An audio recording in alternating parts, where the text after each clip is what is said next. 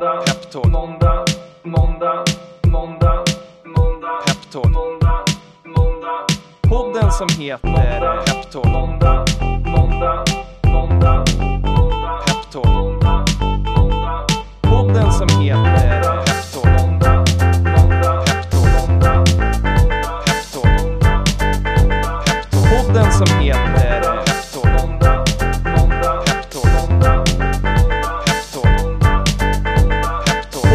som heter eh, Varmt välkomna till ett nytt avsnitt av eh, podden Peptalk. Idag ska vi träffa Hammars Bryggeri som är aktuella för en kapitalanskaffning på Peppins plattform och den kommer starta den 31 mars. Och idag när vi spelar in det här avsnittet så är det fredag den 25 så det är inte så lång tid kvar till teckningen öppnar. Och jag har bjudit in Robert Henriksson som ska berätta om bolaget och den resa som det nu bjuds in till att delta på nu när fler eh, aktieägare ska välkomnas. Varmt välkommen till podden! Tack så mycket! Hur är läget idag? Ja men det är bra tack. Solen skiner och eh, får man sitta här och prata lite en fredag eftermiddag. Det ser jag fram emot. Och du och jag sitter ju inte i, eh, i samma rum. Jag sitter i, i våran eh, poddstudio som vi har hos Finwire Media här. Var befinner du dig någonstans? Jag befinner mig hemma som råkar vara i Göteborg. Det är inte tokigt. Nej. Det Trivs sägs bra i att det ska Göteborg? regna här hela tiden men det gör det inte. Idag är det sol. Skulle vi kunna ta en bild så skulle jag kunna eh, fram, komma med bildbevis. Ja, men jag, jag litar på det. Jag kan ju säga då att i, i Stockholm där jag befinner mig är det inte sol så att eh, Okej. då står, står stjärnorna annorlunda idag än vad, vad många tänker sig då. Vilket skulle bevisas. Ja. Sveriges framsida. ja, så är det. Ehm, om vi börjar med frågan eh, Vem är Robert? Hur låter det då? Oj, Robert är eh, en eh, värmlänning som, ehm, som eh, i och för sig är uppvuxen väldigt mycket utomlands. Eh, och kom till Sverige och pluggade eh, eh, på systemvetenskaplig och klev sen in i, i konsultvärlden för en herrans massa år sedan. Ehm, Eh, lärde mig mycket om säljyrket genom att vara ute och sätta upp eh, telekomoperatörer runt om i världen för eh, ett bolag som heter Capgemini. Eh, under den tiden när eh, GSM var nytt eh, och det här med innan, innan 3G och 4G och 5G så fanns det en värld där vi satte upp telekomoperatörer för första gången. Så jag har liksom en ganska teknisk bakgrund men jobbade mycket med sälj. Eh, och sen eh, efter några år där, det var i Stockholm, så, så klev jag in på den entreprenöriella banan väldigt mycket. Ehm, jobbade mycket med internet, med, eh, med rådgivning och, och byggande av, av interaktiva lösningar för olika bolag. Och sen så 2002 så grundade jag ett spelbolag som heter Jadestone ehm, som var spelutvecklare. En av de här som, som försökte ge sig på både mobilspel och nätverksspel i liksom de tidiga åren när internet var fortfarande relativt ungt. Så. Ehm, sålde det bolaget 2012 och eh, har sen gjort en del investeringar i lite olika bolag. Bland annat ett eh, bolag som heter Winefinder som jobbar med premiumvin, eh, säljer till konsumenter ifrån Danmark. Ehm, och sen 2016 så så investerade jag och köpte också då Hammars Bryggeri tillsammans med min familj. Eh, på grund av att, ja, men bland annat eh, att min morfar eh, hade bott i Hammars. Det var väl det som var startskottet egentligen. Eh, och sen så vidare därifrån. Eh, är idag VD för bolaget. Och har i övrigt två fotbollsälskande galningar till söner eh, och en eh, fru som också jobbar med livsmedel eh, eftersom hon är marknadschef på Estrella. Vilket kommer väldigt bra till hands ibland när man behöver rådfråga och så. Det förstår jag verkligen. Det, känns ju som att den liksom, konsumentnära kunskapen måste vara väldigt värdefull för ett, för ett bryggeri. Ja men i allra högsta grad.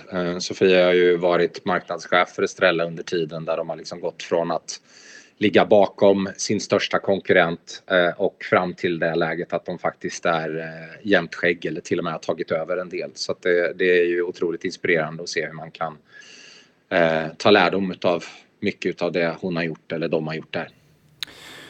Och jag tänker att eh, vi ska komma tillbaka till eh, hur liksom tech och eh, liksom bryggeri kan eh, eh korsa varandra och inte vara så liksom frånskilt. För min uppfattning är ju ändå, du beskriver liksom din bakgrund, det, det är mycket tech och eh, sen så köper eh, du och familjen då ett, eh, ett bryggeri med långa anor. Ehm, mm. Vad, är, vad var liksom bakgrunden till att, att det faktiskt blev Hammars bryggeri som, som eh, blev en av de här investeringarna som nu är så engagerad i? Det känns ganska långt ifrån IT och tech. Ja, Um, exakt. Jag, som sagt var, eh, från, från telekom till spel och, och det är det det har varit de senaste 20 åren uh, egentligen för mig.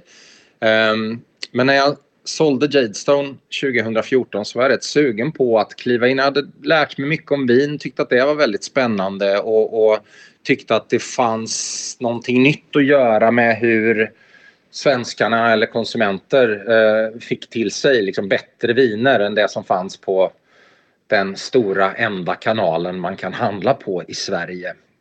Um, och då, då ehm, började jag, då gjorde vi investeringen i Winefinder, jag och några kompisar och eh, jag var marknadschef där i tre år och lärde mig mycket genom att umgås liksom med otroligt kunniga inköpare och sommelier.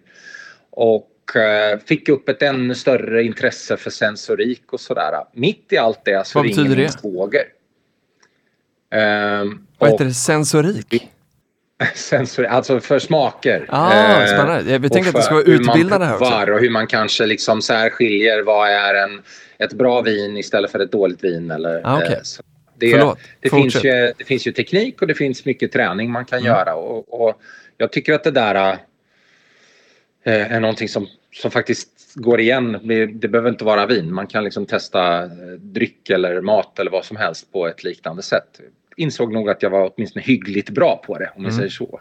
Um, och då ringde min svåger mitt i alltihop och sa ah, vi ska köpa ett bryggeri. Och jag bara över min döda kropp var min första ryggmärgsreaktion. Liksom. För att man hade hört allting om det här hur otroligt låg marginalbransch det är och sådär. Um, men då berättade han om Hammars bryggeri och att han, han hade stött på det som en del av ett annat uppdrag han hade. Och att eh, den förra familjen som ägde det hade drivit det i, i, i, många årtionden och inte hade några barn som var beredda att ta över det. Och att det, det låg då som sagt var ett stenkast från där morfar bodde och hade uppfinning, uppfinnarverkstad eh, i Lilla Hammar utanför Askersund. Och eh, Ja, men jag bara, ja, vadå, ska man verkligen ge sig in på det här? Det första man tänker så här, men då får jag ha min egen IPA, liksom, vad gött med en mm. eh, bra ölbryggeri. Och så här, nej, nej, det här är alkoholfritt. Jaha, okej. Okay. Eh, men då satte jag mig ner efter det där nyfiket och började titta på hur ser marknaden ut för alkoholfri dryck i Sverige och i världen? Och finns det någonting att göra? För det fanns ju något kittlande där med ett bryggeri som låg på samma ställe där det grundades år 1904 som hade ägts av två andra familjer och som hade ett varumärke och en tradition av att göra drycker på ett ja, men, hantverksmässigt, eh, nästan lite gammaldags sätt. Liksom. De, hade inte, de hade inte moderniserat mycket på det där stället. Um, jag, kom, jag tittade på marknaden och konstaterade att ja, men här har vi haft en utveckling under de senaste 10-15 åren från att det tidigare var liksom tal om bryggeridöden och allt bara blev stort och det var jättelika bolag som kom in och pressade priser och, så, eh, och tog över allt. Sen hade vi ölrevolutionen där massor med nya mikrobryggerier har klivit in. Jag började se ett mönster här av att folk är beredda att betala mer för att dricka bra, man är nyfiken, man vill ha lokalproducerat. Ja, men hur ser det ut på det alkoholfria då? Ja, men det är lite samma sak, det börjar hända. Det har varit kanske mycket eh, fokus på eh, funktion, funktionsdryck. Men jag kunde också se att det poppade upp väldigt många starka nya dryckesproducenter som gjorde jättegoda grejer på ett liksom på ett hantverksmässigt sätt. Och Hammars kände jag så här, ah, men det här kan faktiskt bli en motor i en sån, i en sån resa. Liksom. Folk älskar det lokala, folk älskar att det finns en plats att besöka. Och då eh, fattade vi beslutet av att eh, köpa bolaget till slut. Och nu har det gått då eh, men, sex år och ni har utvecklat det här eh, tillsammans. Om, eh, jag tog tre trappor upp till eh, studion här eh, hos, eh, hos Finwire. Så att jag tänker om du ska liksom få beskriva Hammars, den korta liksom hisspitchen, men i och med att jag gick trapporna idag så får du lite längre tid. Om du skulle beskriva vad ni har gjort under de här liksom, tre åren eller sex åren för att ta er liksom, dit när ni är idag. Vilka är Hammars nu? Ja, men Hammars idag är ett bolag, jag ska säga att Hammars de första åren var ganska mycket jobb att bygga om och eh, man hade som sagt var ganska mycket gamla saker som behöver städas undan. Man höll fortfarande på med gammal röd back eh, som inte är en särskilt hållbar och lönsam affär. Eh, men den är charmig? Ja, charmig ja, men eh, olönsam och tyvärr ganska miljöförstörande vilket ah. jag har, fortfarande har lite svårt för att eh, berätta för folk eller få folk att förstå för de tycker att det finns ett kretsloppstänk kring det hela. Och sådär. Mm. Men det, det, den hör till en svunnen tid. Vi fick bygga om en hel del de första åren och jag klev in som VD hösten 2018. Eh, och då började vi egentligen sätta det enda rätta här. Vi måste värna om att vi är små. Vi måste värna om att vi är snabbfotade. Vi måste värna om att vi har redan nu liksom en, en, en, en säljkraft och ett nätverk av butiker och kunder som, eh, som eh, köper våra, eh, våra drycker. Och där började vi egentligen med en, en omstöpning av identiteten, tog fram hela varumärkesplattformen, ny logotyp som tog sitt arv ifrån det gamla egentligen. Vi letade gamla eh, gömmor efter hur logotypen har sett ut genom åren. Vi bestämde oss för vilka produkter vi ville ha kvar av det gamla. Um, det finns ett läskedryckssortiment som är väldigt traditionellt med frukt och uh, bärsmaker som vi kände att ah, men det här vill vi faktiskt fortsätta med för det är så populärt. Det finns ju en julmust som ganska ofta vinner priser och som liksom når ut längre och längre utanför Närkes eh, och närområdets gränser varje år som är väldigt uppskattad. Och sen så började vi addera nya tankar kring en serie tonics till exempel och kring nya produktlanseringar som, som kommer 2022 framåt. Allting med målet att göra en premiumdryckestillverkare. För det enda vi kan göra som en liten aktör det är att få våra drycker att stå ut formmässigt, eh, funktionsmässigt, hälsomässigt, eh, Eh, miljömässigt och eh, smakmässigt inte minst. För det är där vi lägger våran enorma fokus. Allt vi gör ska smaka bättre än det som finns på marknaden, tycker vi. Och är det det för Eh, jag ska också säga det att eh, inför den här emissionen så kommer det finnas ett eh, så kallat memorandum eller investeringsmaterial på, på Pepins plattform som man kan läsa. Eh, och eh, i det så återkommer det återkommer ofta till att det liksom är premiumprodukter. Och är det det du precis beskrev nu, är det det som är liksom kärnan i vad som är en premiumprodukt till skillnad från någonting annat? Att det är smaken. Jag tycker att smak är väldigt viktigt i en premiumprodukt. Att mm. man inte har kompromissat på smak och liksom gör någonting som är billigare. Men sen är det väl hela, hela känslan av en, en premiumprodukt. Känns den bra när man plockar upp den för första gången? I vårat fall, hur är kolsyrehalten? Liksom? Känns det som att det är en, en, en, en fräsch, pigg upplevelse när man öppnar. Men det är ju hela grejen. Liksom. Från när du skruvar av korken till hur det ser ut till hur vi kommunicerar på sociala medier. Det blir liksom en helhet som, som, som blir rätten att ta lite mer betalt. Liksom. Vi, min syrra står och kokar sockerlag mm. för hand i Hammars bryggeri. Varje flaska som då innehåller socker, vilket inte alla gör, eh, är liksom ett hantverk eh, på ett sätt som inte eh, mycket annan liksom dryck är på den lite bredare marknaden idag. Och det måste vi, genom att göra sådana saker, så hoppas jag och att vi förtjänar att få, få ta lite mer betalt. Liksom. Mm. Och, hur mycket... och det är väl det som är premium. ja, men exakt. Eh, man, man kopplar mycket, mycket premium också liksom till pris. Man vill ju också förstå vad det är man liksom betalar för. Eh, mm. Jag tycker du sammanfattar det liksom väl där. Men eh, om vi tittar på produkterna, eh, liksom läsk då, julmust, de här drinkmixers. Eh, vilka, vilken produkt är den största hos er nu? Men tar du som en enskild eh, produkt så är det fortfarande julmusten. Mm. Eh, som dels var stor när vi tog över och som bara har vuxit sedan dess. Um, och det är ju samma recept som um, grundaren började med uh, år 1930 eller någonting sånt var det. Um, och så har vi behållit liksom samma recept sedan dess. Vi har adderat lite olika uh, begränsade smakupplevelser, uh, liksom limited editions under tiden. vi har några smaksatta, vi har en whiskyfatslagrad julmust som vi har släppt under de senaste åren. Eh, så vi försöker experimentera med formatet återigen för att kunna ge något extra i upplevelsen. Men eh, i grund och botten så är det samma. Mm. Ehm, sen så 2019 så lanserade vi våra tonics för första gången. Ehm, det är ett område som jag tyckte var väldigt spännande. Man hade en väldigt, väldigt stark gintrend. Mm.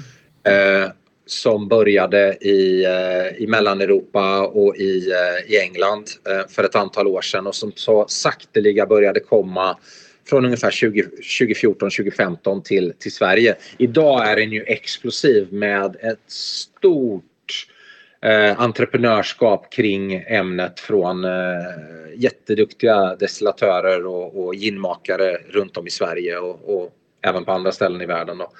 Och de där, när man när man gör en gin och tonic så är ju fyra femtedelar tonic. Så då tänkte jag att det där måste ju vara någonting som, som måste ha samma kvalitet som ginen. Mm. Eh, och det tyckte inte jag att det fanns. Eh, och då började vi ta fram våran serie med tonics helt enkelt. Som vi släppte då 2019 och som släpptes rakt in i covid så det var svårt att, att kunna få dem ut på alla de barer vi tänkte att vi skulle vara på. Men um, det har vuxit i alla fall. Trots två år av covid så har det vuxit och idag så är vi um, ja, bland, bland en handfull uh, tonics på marknaden i Sverige som säljer mest. Mm. Och är det att det är liksom, sortimentet är liksom alkoholfritt även om det då används i, som det du beskrev i, i många fall med alkohol. Är det viktigt att eh, som Hammar ska göra alkoholfria produkter eller skulle ni även kunna öppna för att göra med alkohol? Ja, här är frågan om liksom vad, man, hur man, vad man har för syn på entreprenörskap. Jag mm. tycker att Hammars var, har alltid varit alkoholfritt, eh, i, eller i väldigt hög grad i alla fall och det var det man var riktigt duktig på. Men då kände jag att låt oss bli bäst på det först. Liksom. Mm. Och sen så håller inte jag för otroligt. Det finns goda smaker där man, ja, på alkoholhaltiga drycker också. Men här är vårt område där vi kan bli riktigt bra och sen när vi har bemästrat det då kanske vi kan titta på eh, andra kliv framåt. Särskilt sugen är jag väl på det om och när det blir gårdsförsäljning eh, som då regeringen tittar ganska intensivt på just nu. Händer det då kommer vi nog att eh, titta på eh, ett antal spännande komplement till vårt alkoholfria sortiment i form av alkoholhaltiga drycker i väldigt, väldigt begränsad skala och liksom exklusivt. Spännande. Eh, om man ska få ännu lite mer grepp om, eh, om liksom bolaget då. Du har beskrivit eh, ja, dig själv och, och syrran är med och frun är med också. Sådär. Vilka, ja. vilka är det mer som utgör eh, liksom Hammars bryggeri?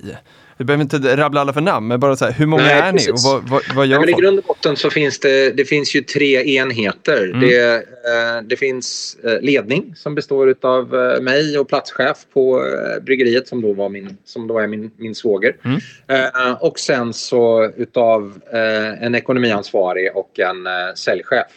Ehm, och sen har vi då ehm, produktionen på plats. Det är en gårdsbutik och ett gäng som, som brygger dricka dagarna i ända i eh, fabriken eller eh, bryggeriet i Hammar. Eh, därifrån skickar vi också all dryck liksom, och distribuerar och plockar och levererar till alla kunder. Och den tredje delen och en otroligt viktig del i det här är vår säljkår.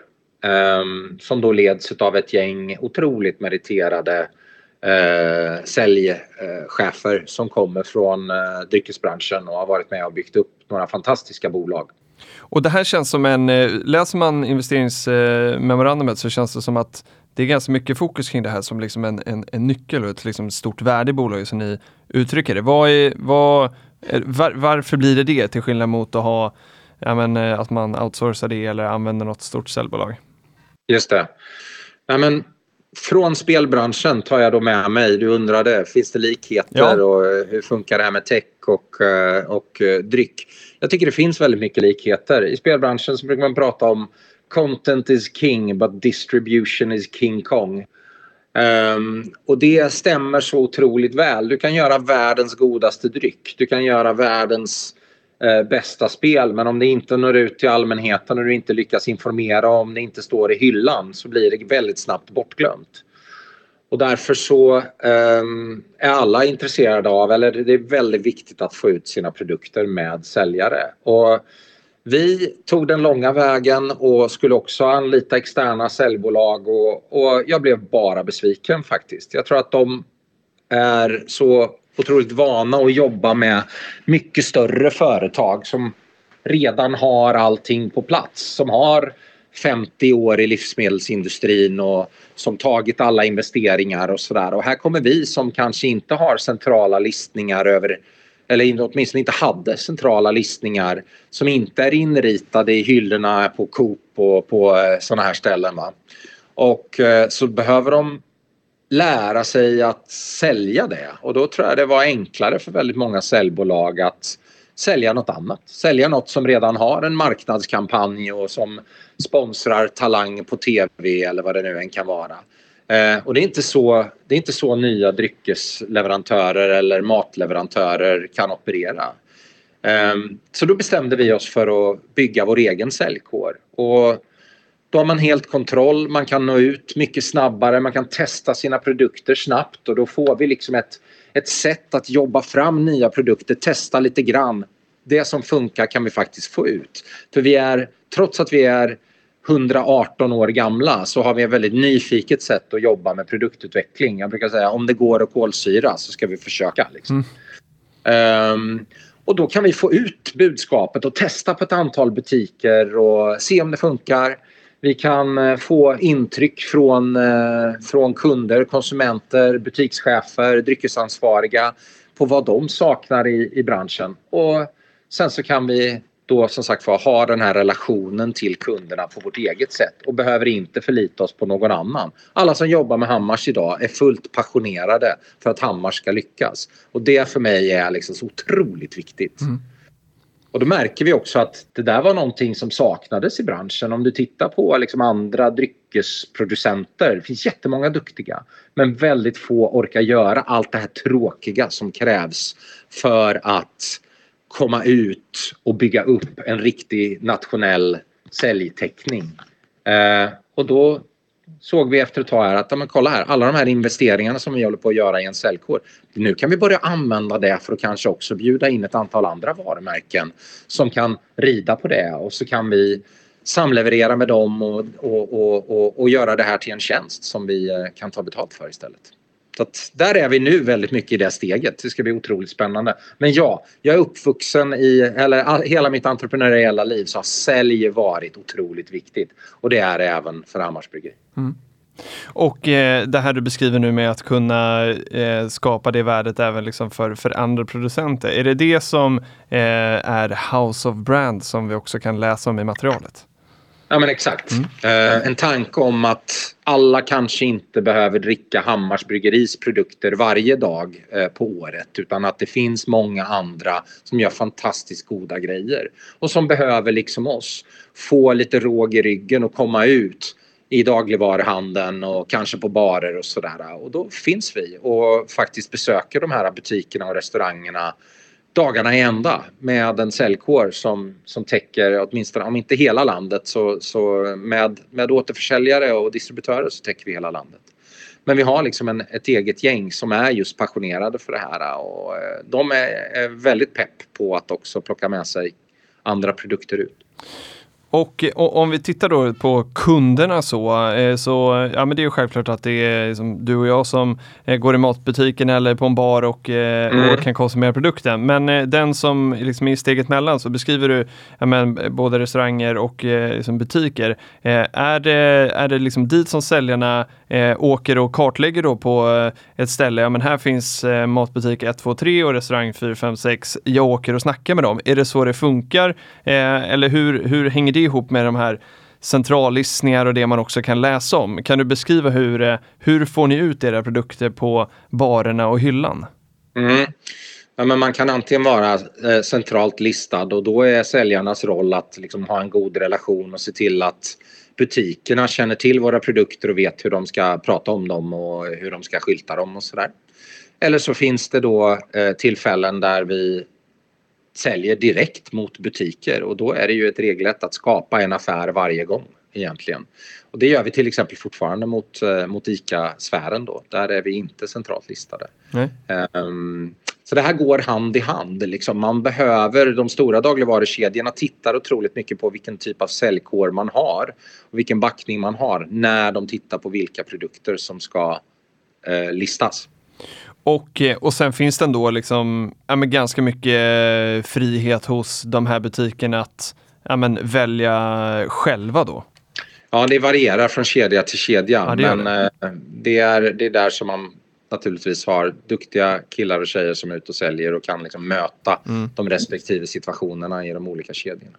Och idag så finns ju vi på alla kedjor i någon mån. Um, och vi har då kanske den viktigaste nyheten som liksom vi har gjort är väl ändå listningen på eh, Coop där vi blir grundlistade som det heter på hundratals eh, butiker eh, och blir just inritade i hyllorna så man vet att där kommer det att finnas Hammars. Eh, men sen är uppdraget att försöka övertyga precis alla de andra Coop-butikerna om att de också ska beställa hem. Så det ska bli spännande. Och vilka produkter, eh, om man hittar en sån här butik då, vilken produkt är det mest sannolikt att, att man kommer liksom eh, hitta i hyllorna? Är det alla eller är det väljer butikerna liksom att, att, att foka på, på någon av dem? Uh, nej, men det, kommer vara vårat, eh, det kommer vara vårt grundsortiment av, av läsk som sagt var på en liter som uh, kommer att rulla ut mycket i Coop. I, I, andra butiker runt om i Sverige och även Coop i hela centrala Sverige kan man säga, Mellansverige, liksom från, från Karlstad till Stockholm och en bit söderut. Där finns våra tonics i, i väldigt hög utsträckning också. Eh, och och den, de kan man faktiskt hitta på väldigt många ställen idag. Liksom. De, alla de större Maxi nästan. Eh, ganska många ICA, på Lidl. Eh, så där har vi ju en bra spridning också. Vilken är din absoluta favoritprodukt? Oj, jag tycker att julmusten som vi gjorde med fatlagrad, eh, som, som lagrades på, på whiskyfat blev väldigt lyckad. Mm. Fyra år på whiskyfat från Bergslagens destilleri som en samarbetspartner till oss. Den var jag jäkligt stolt över. Den är nu typ slut. Men eh, vi kommer med nya spännande saker. Och sen är jag extremt svag för våran tonic original och våran eh, tonic original zero som då är utan socker, helt utan kalorier. Som är jäkligt svår att göra. Där var mycket iterationer för att få till liksom en sockerfri eh, tonic. Där bäskan och det här eh, liksom, eh, sötningen som man får från, från andra saker än socker inte riktigt gifter sig. Och då måste man jobba ganska mycket med hur man skapar en smakupplevelse som är bra. Tycker jag vi lyckades bra med och den är jag stolt över. Finns det, kan, man, kan man hitta liksom era produkter även eh, digitalt? Jag tänker försöka hitta fler likheter med, med, med tech. Eh, och liksom i en tid där många också beställer ja, men, eh, mat och dryck kanske från, eh, från nätet. Eh, hittar man er där också? Ja, men vi finns på ICA online i den mån man använder det. Ehm, vi finns på ett antal olika sajter eh, som är specialiserade på kanske tonic, kanske premiumdryck, eh, alkoholfritt. Ehm, men i någon högre utsträckning i de, de, de stora digitala aktörerna, där finns vi inte än. Uh, och det är ju en möjlighet att man mm. kanske skulle titta på att uh, göra en egen e-handelslösning och sådär. Men det, dit har vi inte riktigt kommit än. Det får ses som en, en opportunity i uh, våran portfölj av möjliga framtida uh, verksamheter. Mm. Vi har en egen gårdsbutik som börjar ta väldigt mycket fart på plats i, i Hammar. Omsättningen ökade med över 300 procent till en bit över en miljon där förra året och eh, där satsar vi nu på att både gårdsbutiken och kaféet ska, ska växa. Så det kanske skulle kunna bli en utbyggnad av det att gänget som har hand om gårdsbutiken också skulle kunna liksom jobba med en e-handelsdel så småningom. Och eh, om man vill eh, liksom, ta en sväng förbi då, det låter som att det är värt en, en omväg. Eh, vart, eh, vart hittar man Hammar om man inte har koll på geografin? Ja, men då hittar man Hammar ut med vägen mellan Askersund och Motala. Precis där man är som tröttast innan man går i mål på Vätternrundan. Ah. Eh, ett stenkast ifrån Harjebaden som är eh, myntat som Närkes Riviera. Vad härligt. Eh, så precis efter vägen där så, så ligger vi. Och ja, har som sagt var sommartid. Förra året drog vi igång ett café och butiken har vi öppet varje dag.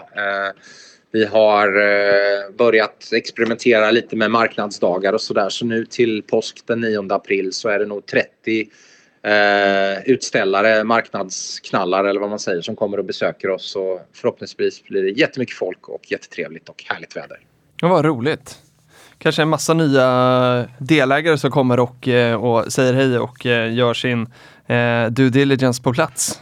Det skulle jag tycka var otroligt kul. Jag och familjen kommer vara där, så ryck mig i så fall. Ja, vad roligt. jag tänker att vi också ska prata lite om ehm, ja, men vilka, vilka det är som utmanar er där ute, era konkurrenter helt enkelt. det är ett bra sätt också att förstå vilket segment ni jobbar med. Vilka är era främsta konkurrenter? Men det finns en, en svensk jätteduktig tonicleverantör som heter eh, Ekobryggeriet eller Nordic Soda Company. De får nog ses som en eh, formidabel liksom, konkurrent på, eh, på, eh, på craft soda, alltså hantverksläsk och, och hantverkstonicsmarknaden. Eh, annars är ju den stora aktören som jag också ser väldigt mycket upp till ett engelskt bolag som heter Fevertree både för hur de opererar och deras lönsamhet och produkterna. Jag tycker vi gör bättre tonic, men eh, det är ju en smaksak, eller hur? Ja. Men de gör jättefina, eh, ett jättefint bolag som, eh, som liksom är en formidabel aktör. Sen om man tittar på läsksidan så är det ganska stelt. Liksom. Det är det som är den stora häftiga grejen som håller på att hända. Att vi får in många nya aktörer. Men om du går idag och tittar i din dryckeshylla på en på din favoritbutik så ser du ganska mycket stora amerikanska varumärken och du ser en del cider. Eh, sen ser du en hylla med, lång, lång hylla med öl och en lång, lång hylla med funktionsdrycker. Eh, men det där uh, smakinspirationstorget eller de här nya sakerna som du aldrig har sett förut och som fokuserar på att göra någonting lokalt och spännande och liksom hantverksgjort. Det ser du inte så mycket och det är där vi tror att vi kommer att eh, spela en stor roll i omvälvandet av den dryckeshyllan. För jag tror definitivt att det kommer mer och mer. Mm. hur är, eh, jag tänker på eh, liksom, restaurangdelen också, om vi, för jag tänker att det är ofta en ganska bra väg att få uppleva en produkt och som man sen kanske också då går och handlar i sin eh, livsmedelsbutik. Eh, hur är liksom, strategin att Eh, att ja, men liksom nu på restauranger, är det liksom samma förfarande ungefär som för liksom butiker, att försäljningen att vara där och, och liksom sälja in på restaurang för restaurang? Ja, vi, covid spelade ju en hel del roll här. Vi kom mm. in på några få restauranger. Mitt första besök av alla besök med toniken var till restaurang Franzén i Stockholm. Vi satte oss ner, eh, jag och sommelieren och gjorde en varm provning. Alltså dryckerna var varma och vi hällde upp dem. Och um, det finns en rolig anekdot om det, att det kom faktiskt en delägare i Hammars eh, med ett sällskap till Franzéns eh, något år efter in i pandemin. Och eh, då var det några som skulle ställa på. De hade sagt att ah, du snackar om Hammars hela tiden och att det finns på Franzéns. Nu, nu, nu vill vi se om... Eh, ta, eh, kan du ta fram lite Hammars och sen så de andra toniken ni har så får vi göra, se om den här killen kan, eh, kan se vilken som är Hammars. Liksom. Då sa de ursäkta min herre men vi har bara Hammars. Så eh, då hade de eh, valt bort övriga. Okay. Eh, och sen, ja, men sen finns vi på ett antal liksom, riktigt bra ställen runt om i Sverige. Eh, Hotell Dorsia i Göteborg, på Paddys ginbar i Malmö. Eh, lite andra riktigt bra. Musselbaren eh, på eh, västkusten finns ett par olika ställen. Så man kan njuta av Hammars på lite olika ställen. Sen ökar ju det nu när restaurangvärlden börjar öka upp igen. Och då jobbar vi både med våra egna aktörer men här finns det också ett ganska utbrett nät av restauranggrossister som man kan jobba igenom. Ja, okay. Så det gör vi. Jag ser eh, på er hemsida så finns det en väldigt bra karta som man kan eh, zooma in och kolla där man bor. Så, så hittar man nog förhoppningsvis ganska enkelt ett ställe att få prova produkterna på. För det känns ju också kul och viktigt eh, innan man ska investera att man får se hur produkterna verkligen smakar. Just det. Man kan också alltid höra av sig till oss på Facebook eller Instagram och liksom ställa frågan. Det, det, vi är ganska aktiva där. Ah, det är ju en strategi att vara väldigt digitala i vår marknadsföring. Liksom. Ja. Då är det bara att gå in och eh, följa. Jag tänker att vi ska prata lite om, eh, eller mycket, så mycket du önskar, om ämnet hållbarhet. Eh, och jag ställer en breda fråga, på vilket sätt arbetar ni med det? Ja, um, ja men det känns ju mer viktigt än någonsin tror jag. Jag tror det finns väl inget liksom, aktningsvärt bolag som inte säger att man åtminstone strävar efter det hållet. Vi som närproducerade eller som småskaliga och, och, och lokalt producerande. eh, man har ju kanske begränsade förutsättningar ibland, särskilt i början, liksom att ge sig på och vara den där stora mecenaten för miljön. Eh, men vi har verkligen satt det i fokus och eh, jobbat bort den fossila eh, liksom användningen av fossila bränslen med nästan 90 procent sedan vi tog över 2016. Vi köper nästan det mesta vi kan så nära som möjligt. Allt ifrån flaskor till ingredienser och svenskt socker och sådana här saker.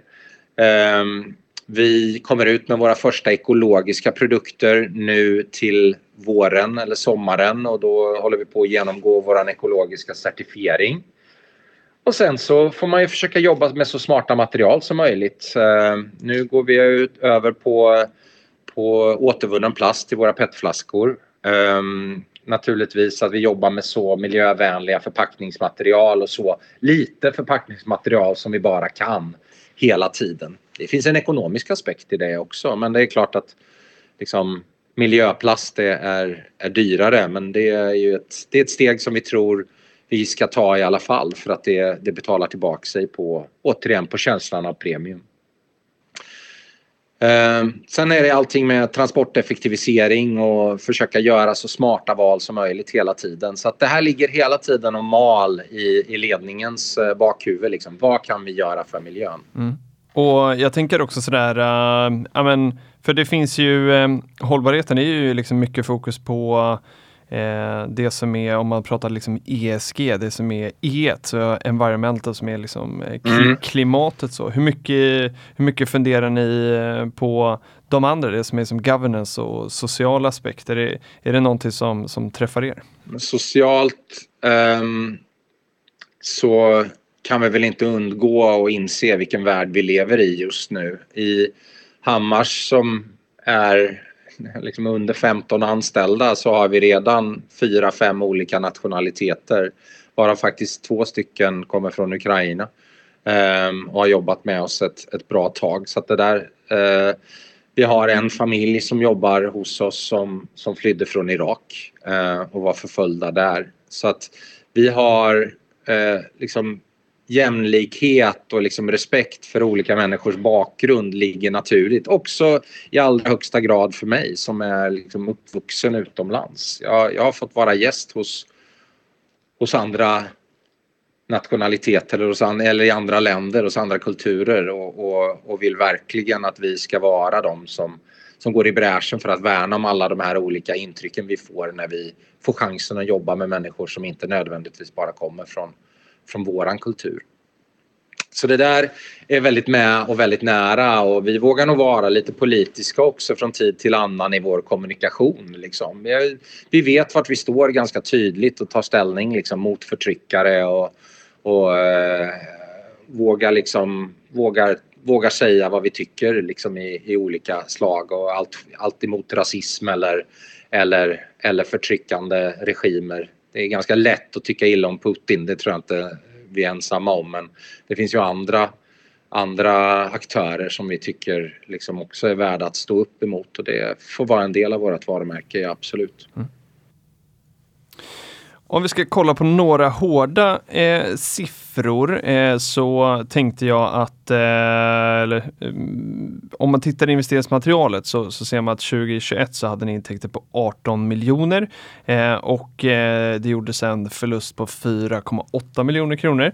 Eh, jag tänker att vi inte ska prata liksom jättemycket om liksom, siffror som sådana men bara för att få liksom, en känsla för eh, hur skapas intäkterna och också om du kan beskriva lite hur kostnaderna eh, liksom, skapas, så man får en liksom, förståelse för eh, ja, men, eh, hur bolaget liksom, eh, ser ut och också kanske då en eh, potential i, i var saker och ting ska ta vägen framåt. Om vi börjar med intäkterna, hur, de här 18 miljonerna, hur skapas de? Men det är ju försäljning av produkter i väldigt hög grad. Nu med House of Brands så tillkommer det ju en tjänste tjänstedel. De återspeglas inte alls i 2021 års siffror, för fanns inte del där. Men det är egentligen försäljning av dryck till då butiker, restauranger, återförsäljare, en del export. Vi exporterar idag till Tyskland och Danmark.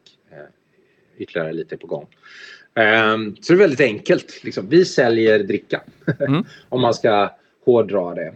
Um, och då är det naturligtvis viktigt med vad, vad kan vi få betalt för vår dricka och uh, vad kostar det att, att tillverka en dryck? Och då har du bruttomarginalen som vi har jobbat väldigt mycket med och jobbat upp den från 48 till 55 procent under de senaste åren. Så där, där finns en positiv trend eh, som är otroligt viktigt liksom, för att ju mer vi vi, eh, vi kan öka den siffran desto mer har vi att röra oss med för att satsa på personal, satsa på utveckling av affären och sådär.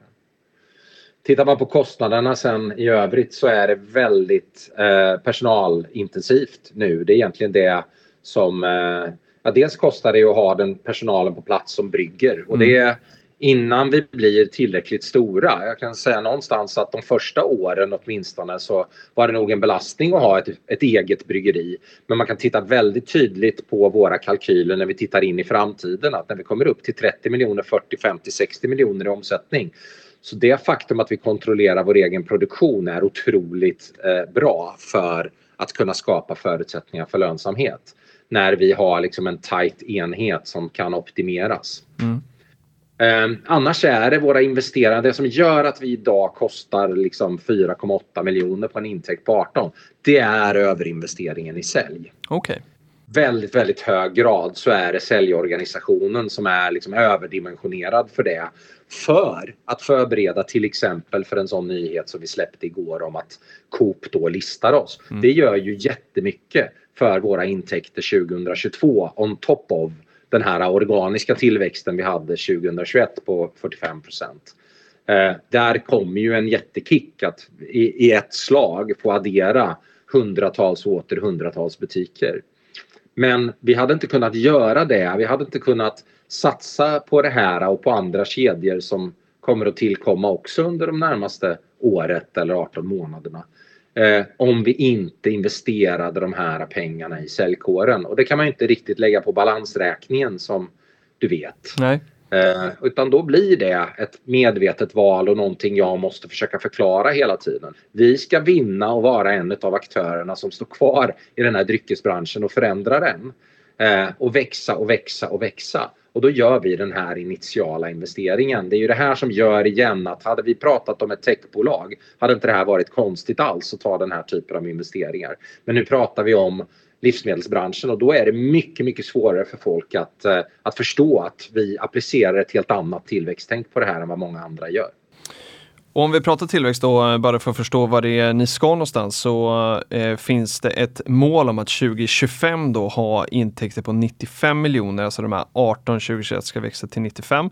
Eh, och sen ska de här då, eh, den här förlusten på 4,8 då istället vara Eh, en vinst på 20. Eh, och så gör ni då eh, den här satsningen nu, tar in pengar, det är mellan 6 och 10 miljoner som, som tas in för, för att satsa. finns det liksom någonting annat än liksom säljet som, som, som de här pengarna ska användas till för att nå det här målet? Det är, lite, det är lite professionalisering av organisationen så att inte till exempel jag gör väldigt många olika saker idag. Att man liksom kan få in några stödfunktioner som på produktutveckling och sådana här saker som bara kommer göra att vi höjer oss ett snäpp till. Sen är det väldigt mycket sälj, eh, väldigt mycket marknadsföring som, eh, som är, eh, är grunden det är en del att vara, kunna leverera den servicenivå som de här stora kedjorna behöver. Så vi behöver lite arbetande kapital för, eh, för lager och annat. Och sen så som sagt var eh, med en House of Brands-strategi så är ju vårt mål att kunna hitta och identifiera företag som kan vara eh, kompletterande och komma med nya intäktsströmmar för oss och som vi på sikt kanske kan se, ja men här, den här entreprenören kan få komma in och bli en del av ett publikt bolag och sen så på, på sikt kanske också få ett värde ut utav den investeringen i tid och kraft och kunskap och passion som den, den personen eller personerna har gjort. Mm. Och då kan det ju vara tal om att liksom, vi, vi tittar på att på något sätt förvärva eh, den typen av bolag eller ta ett delägandeskap och, och sådär. Mm. Så att det är organisation, arbetande kapital, sälj och eh, möjligen förvärv eller, eller, eller del, delförvärv av eh, framtida kompletterande produkter för att skapa ytterligare liksom, tillväxt ovanpå det vi gör idag organiskt. Och värderingen då som är satt inför den här emissionen är 55 miljoner eh, och eh, av de här 6-10 miljonerna som ska tas in så är det 2,3 som har tecknats av befintliga ägare. Om vi bara pratar om värderingen då, hur motiverar du den? Um, ja, det är en, en värdering på ja, lite, ta inte decimalerna, men det är typ 1,7 om man tittar på den förväntade försäljningen vi har i eh, gånger sales på, på den förväntade försäljning vi har i år. Eh, tittar man på liksom liknande bolag så tycker jag att det är det är helt okej. Okay. Jag tycker man ska motivera det här med vi har ett urstarkt management team som har liksom runt bordet sitter vi på rätt så mycket kompetens eh, eh, jämfört med tror jag, jämförbart storleks, eh, bolag av jämförbar storlek. Eh, vi har track record av att kunna växa bolag inom olika branscher men vi har också väldigt mycket erfarenhet av livsmedelsbranschen som vi kommer till bordet med. Liksom. Och just att målet är att verkligen skapa en tillväxtmotor här. Eh, det här bolaget ska kunna utvecklas eh, jättefint mot de här målen som vi nämnde 2025 på, på 100 miljoner eller 95 miljoner kronor. Eh, och vi är otroligt motiverade att göra det och då tycker vi att den här eh, liksom efter diskussion då med olika rådgivare och annat att, att en värdering på 55 miljoner kronor är rimlig. Och teckningen öppnar ju då 31 mars eh, och som vanligt på Peppin så är det först till kvarn som gäller. Eh, så håll utkik på peppins.com så kan man intresseanmäla sig och sådär och eh, så att man inte missar den här öppningen om man är eh, nyfiken. Eh, och eh, jag tänkte fråga dig så nästa sådär, vad har du för förväntningar på de som eh, som investerar. Det är ju, eh, på Peppis brukar vi prata om att eh, ja, men man får absolut liksom, pengar av sina delägare som, som investerar. Men det finns ju också många som investerar via vår plattform för att ja, men man tycker att det är roligt att engagera sig i de, i, engagera sig i de här bolagen. Eh, vad har du för förväntningar på aktieägarna? Hammars Bryggeri är ju ett familjeföretag och, och de som redan arbetar med Hammars, jag tror vi räknar någonstans när vi liksom listar vilka människor eh, omger vi oss med så är det väl liksom ett 40-50-tal med fotografer och art directors och styrelse och annat. Vi ser dem som en del av våran, våran familj också. Och det här är ju ett sätt att nu tänka tanken att ja, men vad händer om vi, om vi blir familjära med ytterligare hundratals människor liksom, som, som får sträcka ut handen och undra, som får ha idéer, som får komma förbi och kanske prova tonics kanske lite gin på, eh, på Hammars bryggeri liksom. Eh, som också kanske är ute och pratar med sina butiker eller restauranger om att det är klart att ni ska ha lokalproducerade produkter på er meny här i Sverige. Det är klart att ni ska ha prisvinnande tonics. Liksom. Ja, kör Hammars bryggeri. Mm. Så att, att, att vi får, att vi får ett, ett, eh, en, en förlängd förlängd eh, förlängd eh, arm där med eh, familjemedlemmar som har kommit in i, i eh, familjen Hammars Bryggeri. Det låter ju fantastiskt. Vi hoppas att eh, det ska bli väldigt många då, för det är ju eh, Eh, det är ju väldigt kul att liksom vara aktieägare i ett bolag där man också ja, man kan få en sån närhet liksom till produkterna. Det är ju inte alla bolag som kan erbjuda det som, som ni med, liksom så, liksom konsument, eh, med konsumentprodukter. Så det blir ju en annan, eh, ja, men en annan känsla att man faktiskt kan eh, vara en, en väldigt bra kund också till det bolaget som man är aktieägare i och ambassadör, precis som du beskriver. Ja, men det kommer ju nära. Alla, alla kan relatera till våra produkter. Det är inte raketforskning utan det är det är känslomässigt, det, det, det ska tilltala. Det, jag, tror, jag tror och hoppas att det är ganska enkelt för många att, att titta på vårt prospekt, att titta på vår presentation, att kika runt på hur vi syns i hyllor och sådär och se, ja men här finns några som, som har attention to detail i, i, i mycket av det de gör. Liksom. Och det här, de representerar liksom värden och smaker och känslor som, som låter roliga att vara med. Så att det är ganska enkelt att bedöma det liksom på vad erbjuder vi marknaden. Sen måste man naturligtvis gå in och, och göra sin bedömning om det är en bra investering eller inte och det får ju var och en göra själv. Verkligen, och eh, vi hoppas att den här eh, podden har liksom varit en bra eh, introduktion till liksom, bolaget och sen eh, precis som vi har hänvisat till flera gånger så finns det då ett, ett memorandum på sajten som eh, man kan läsa. Eh, och där eh, finns ju ja, men, all möjlig information om eh, era produkter, bolaget och konkurrenterna och eh, hur, ni, ja, hur ni ser på marknaden och eh, de här siffrorna vi också har, har pratat om. Eh, så att det rekommenderar vi verkligen att gå in och, och läsa på och sen eh, kan man ju ställa frågor till bolaget om det så att det är något ytterligare man är nyfiken på helt enkelt. Är det någonting som jag har eh, missat att fråga dig om eller som du vill berätta ytterligare innan vi rundar av? Eh, kommer eh, spännande nyheter här under, eh, under de här veckorna som eh, kommer så att det blir fler små överraskningar som vi släpper ut. Men okay. vi sparar väl det till en annan dag, eller vad säger du Filip? Ja, men det tycker jag. Det är, det är alltid roligt att, att hålla på lite, lite goda nyheter så får man hänga med längs vägen. Precis. Ja, men då tackar jag jättemycket eh, och eh, önskar lycka till med den här eh, emissionen. Det ska bli jättespännande att följa. Tack så mycket. Nu fick man lite Friday feeling här. Ja, men eller hur? Så ja. trevlig helg och så, så hörs vi säkert snart igen. Absolut. Ha, ha det bra. Hej då. Hej. Då ska jag bara avsluta också med att berätta att eh, den här podden produceras då för Peppins, eh, som ni säkert har förstått och inget av innehållet ska ses som finansiell rådgivning. Investeringar i aktier är förenat med risk som innebär att man kan förlora delar eller hela det investerade kapitalet. Och i det här avsnittet har vi då pratat eh, om och med Hammars Bryggeri eh, och jag, eh, Filip Scholtze, äger inga aktier i Hammars idag när vi spelade in den 25 mars. Eh, bra också att veta att eh, eh, anställda på, på Peppins får ju först teckna 24 timmar efter att eh, en emission öppnar. Eh, så kunderna ligger alltid först i kön. Hoppas alla får en härlig vecka. Vi hörs snart igen. Hej då!